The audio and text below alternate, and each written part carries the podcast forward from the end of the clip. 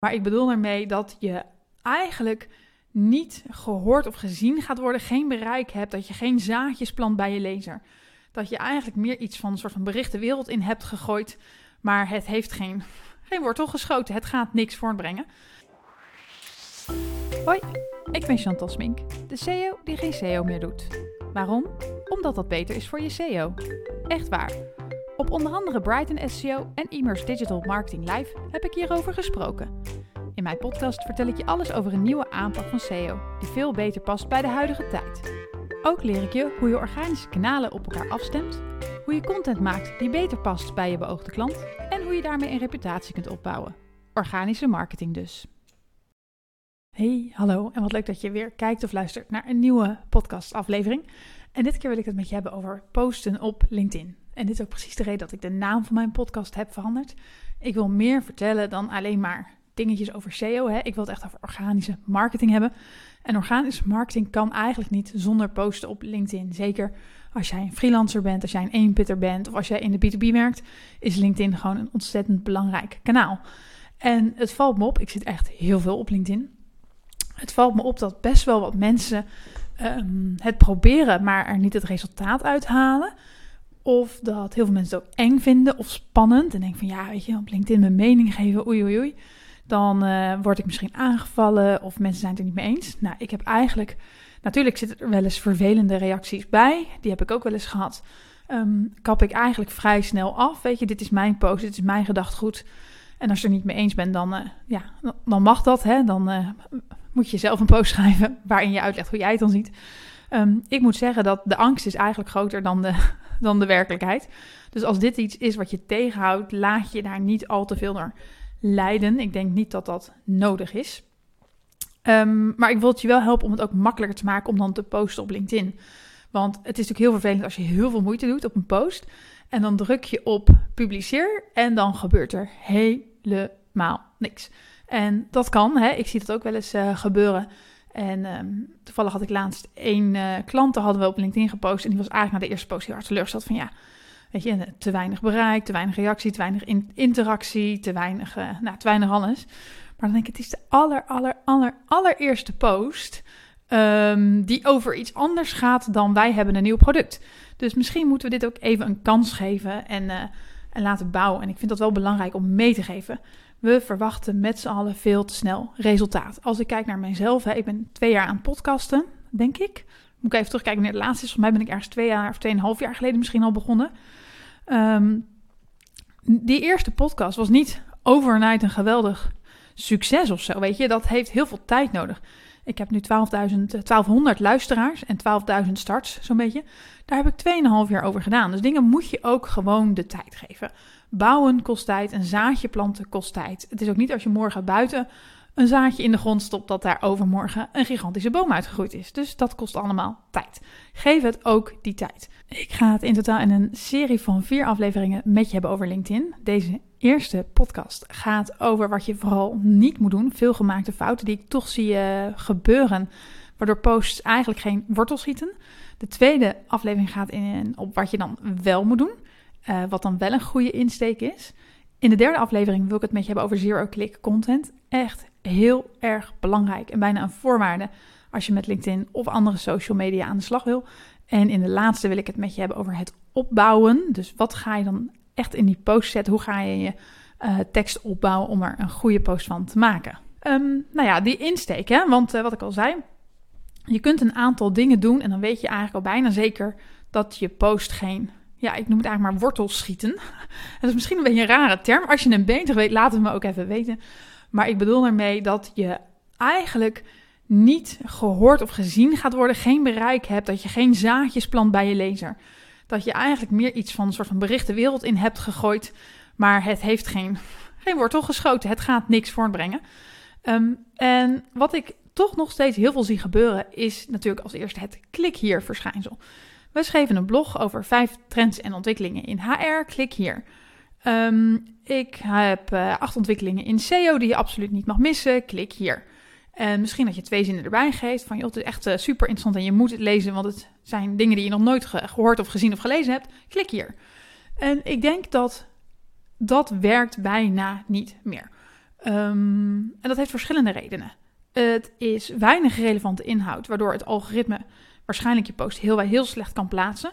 Ik heb ooit één post geplaatst, een soort van sprookje over Google. Nou, die deed echt helemaal niks. En ik vermoed ook omdat het algoritme gewoon echt niet snapte dat ik het hier over Google had, want ik had de naam niet genoemd. Maar ik had het genoemd, er was een bedrijf in Palo Alto. Dus het algoritme heeft context nodig om te snappen waar je het over hebt. Dan is er nog een probleem, dat is dat je een soort van drempel opwerpt naar jouw lezer. Hè? Um, laten we eerlijk zijn, de meeste mensen scrollen misschien op LinkedIn uh, in de trein of in de bus, misschien wel op de wc, voor het koffiezetapparaat, even snel tussendoor. Um, hoeveel tijd hebben mensen nou echt om op LinkedIn alle content te nuttigen? Ik zal niet zeggen dat het er nooit is, maar ik denk wel dat de tijd die mensen hebben beperkt is. En als ik dan mag kiezen tussen een post van iemand waarvan ik eigenlijk al heel lang weet dat dat hele goede content is en echt een blog wat ik moet lezen. En die zegt klik hier. Of iemand die ik eigenlijk niet zo goed ken of een bedrijf wat ik niet zo heel goed volg. Die zegt klik hier. Dan weet ik wel aan wie ik mijn kostbare tijd ga besteden. Dus alles is een kwestie van schaarste. En jouw lezer heeft ook schaarste, schaarste aan tijd.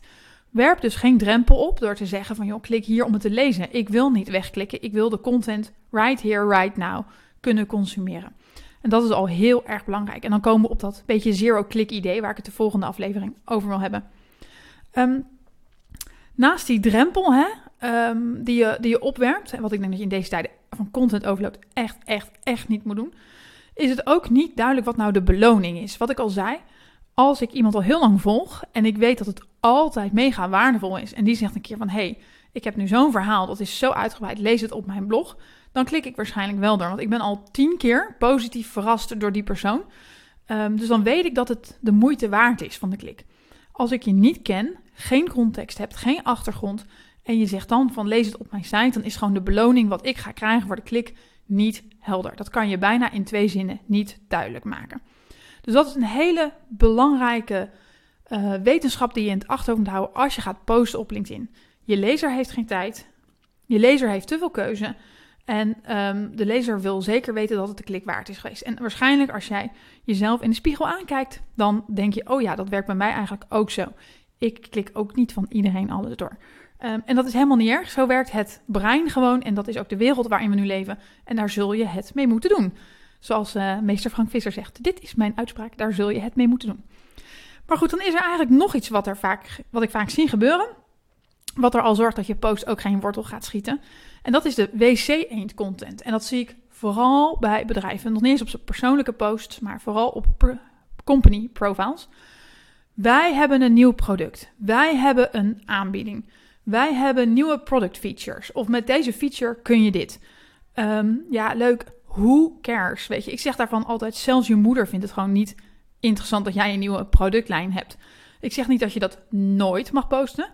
Maar als jij denkt dat dat de posts zijn waar jij het succes mee gaan halen, gaat halen, dan denk ik dat je gewoon bedrogen uitkomt. Um, je moet met meer komen. Het moet om die lezer gaan. Hè? Want als je weet van oké, de mensen hebben uh, weinig tijd. Hè? Er is schaarste aan tijd. Er is te veel content.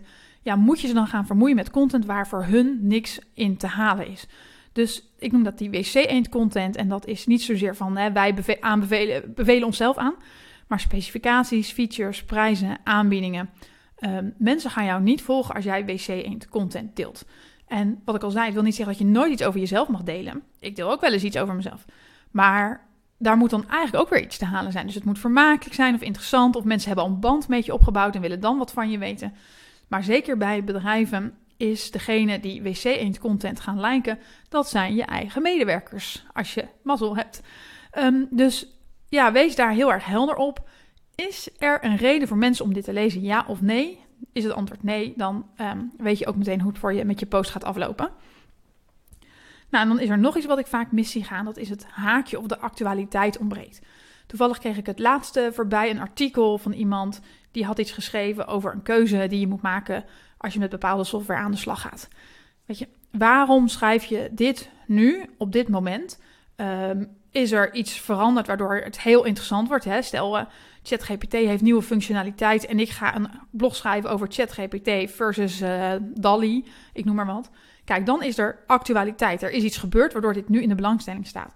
Als ik nu een artikel ga schrijven over wat je moet kiezen. Um, nou ja, ja, weet je, bedenk het zelf. Dat daar is nu geen haakje voor. Zet dat lekker op je blog, dat mensen die het zoeken het misschien in Google kunnen vinden.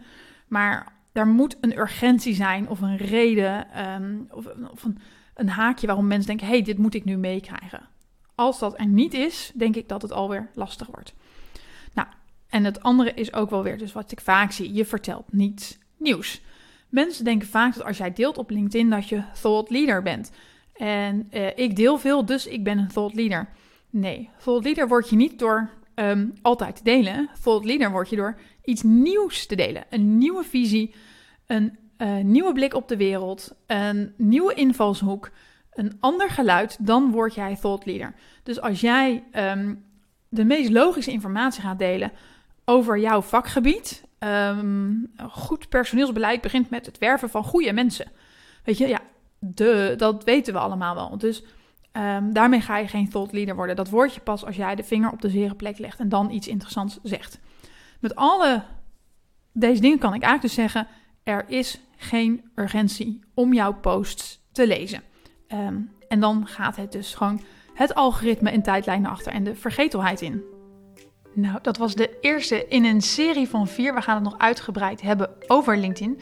Wil jij nou ook killer posts leren maken op LinkedIn? Ik heb inmiddels een hele toffe e-learning gemaakt. Die vind je op b2brands.io. En daarin leer je in 2 tot 3 uur alles wat je moet weten om ook killer posts te gaan schrijven.